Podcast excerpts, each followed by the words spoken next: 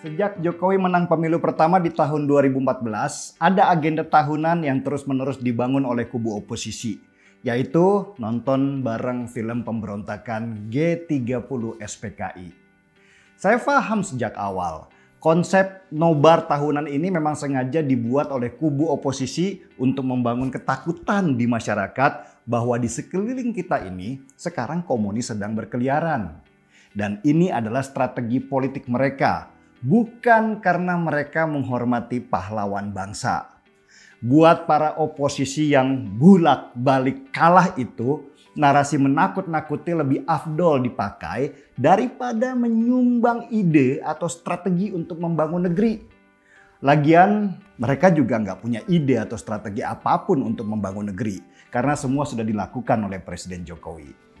Oke, kita bedah dulu. Kenapa program tahunan nobar itu harus mereka lakukan dan mereka goreng setiap tahun.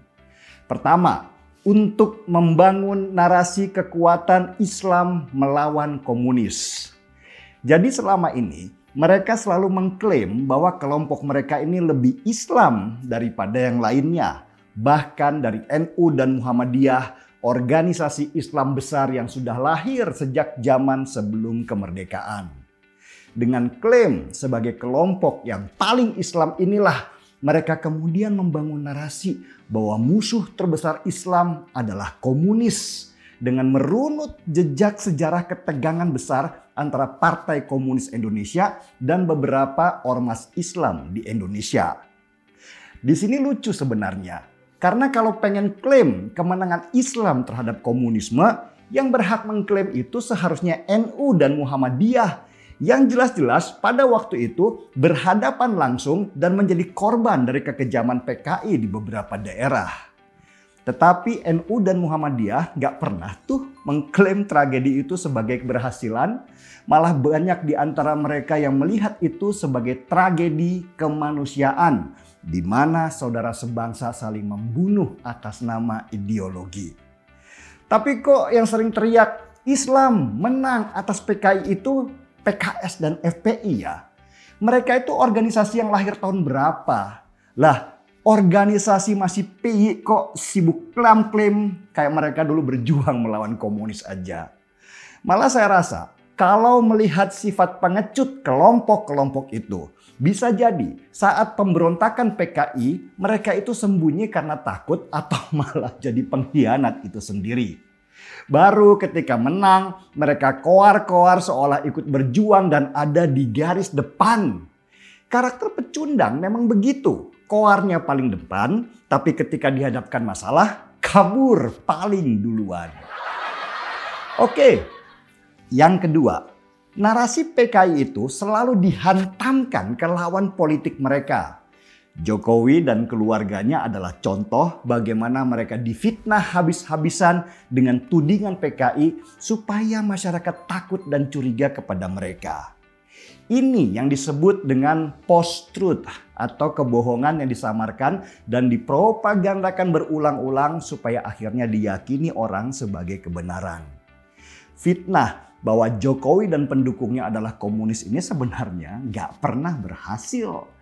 Karena strategi licik ini diketahui oleh banyak orang pendukung Jokowi di media sosial. Nah, daripada terus-menerus dituding sebagai PKI, kan capek. Akhirnya para pendukung Jokowi balik menuding mereka sebagai kadrun. Strategi post-truth yang dibalikan ini berhasil dan mereka gelagapan karena stigma kadrun lebih deras hantamannya daripada PKI.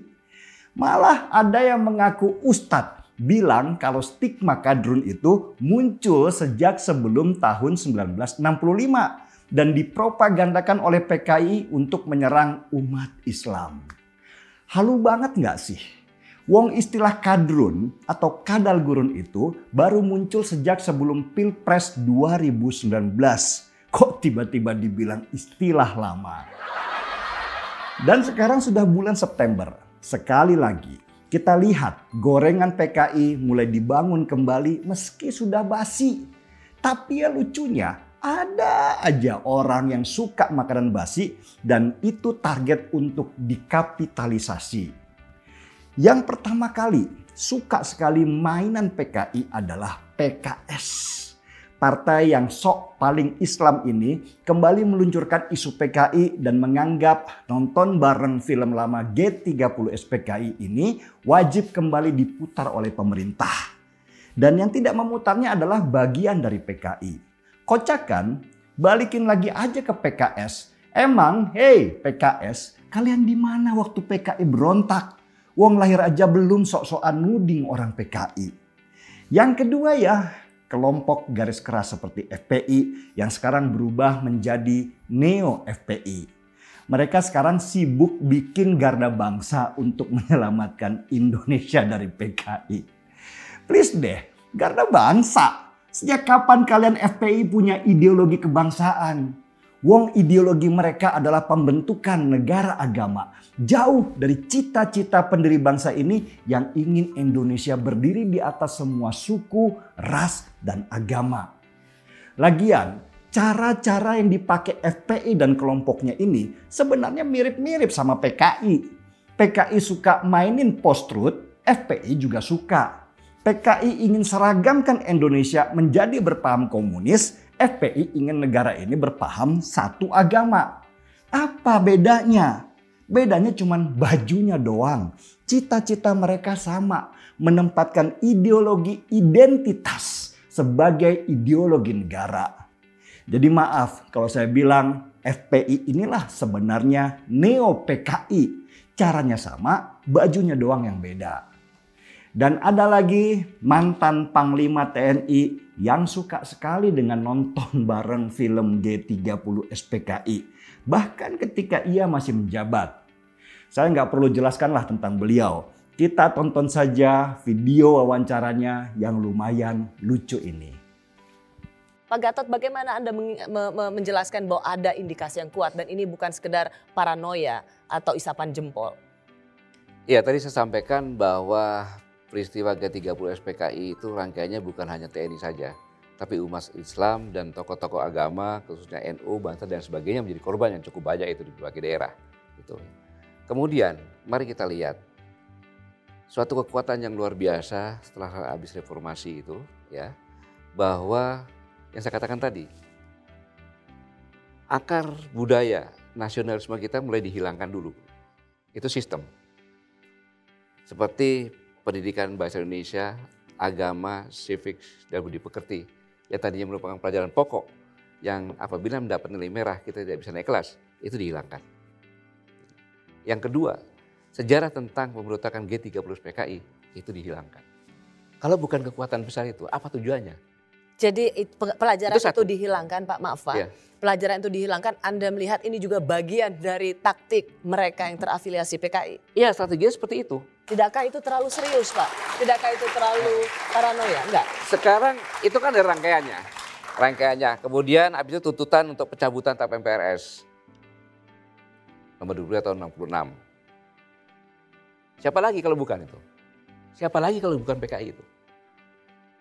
Kemudian penghapusan sejarah pemberontakan PKI. Siapa lagi kalau bukan PKI? Kemudian lagi tentang pemberhentian pemutaran film yang selama ini Siapa yang minta itu kalau bukan PKI? Pak Gatot, apa yang Bapak baru katakan ini hmm. sangat serius dan punya implikasi yang Boleh serius. Karena mereka yang mencoba untuk mencabut PRS itu adalah PKI. Mereka yang ingin mengganti kurikulum pelajaran di bangku-bangku sekolah. Bukan pelajaran kurikulum dah ya. Uh, yang mengganti mata pelajaran. Mata pelajaran sejarah itu, itu yang menghapuskan. Adalah, itu ya. adalah PKI. Kalau bukan kekuatan PKI siapa lagi itu? Apa nasionalisme yang yang akan kan tidak dong logika berpikirnya. Baik, apa tanggapan Anda Bung Usman? Uh, saya kira logika itu terlalu lompat-lompat dan menyederhanakan masalah. Kalau kita lihat, ini sebenarnya ada dua hal nih ya. Yang pertama tentang film G30S PKI itu yang disebut sebagai pengkhianatan. Yang kedua tentang paham dari komunisme atau paham Marxisme itu sendiri. Untuk yang pertama, film ini sebenarnya tidak benar kalau diputar selama Orde Baru. Itu baru diproduksi tahun 81 sampai ke tahun 98. Di era tahun 98 ke 99, Pak era pemerintahan Pak Habibie, seniornya Pak Gatot ini yaitu Pak Yunus Yosvia. Ketika itu adalah Menteri Penerangan, ya, eh, Letnan Jenderal ketika itu. ia yang mengumumkan bahwa film itu dihapuskan dari kewajiban untuk diputar setiap tahun. Jadi kalau dita, di, dikatakan yang meminta penghentian film itu adalah PKI, siapa lagi kalau bukan mereka, keliru. Justru dari dalam tubuh pemerintahan Habibie ketika itu memang mau meninjau ulang.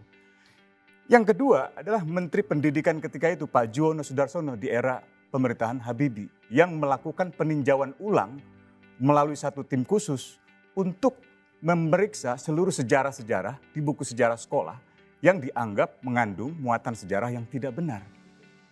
Apakah Pak Juwono adalah PKI? Bukan. Orang terdidik, profesor. Pak Yunus Yosfiah PKI? Bukan. Jenderal Angkatan Darat.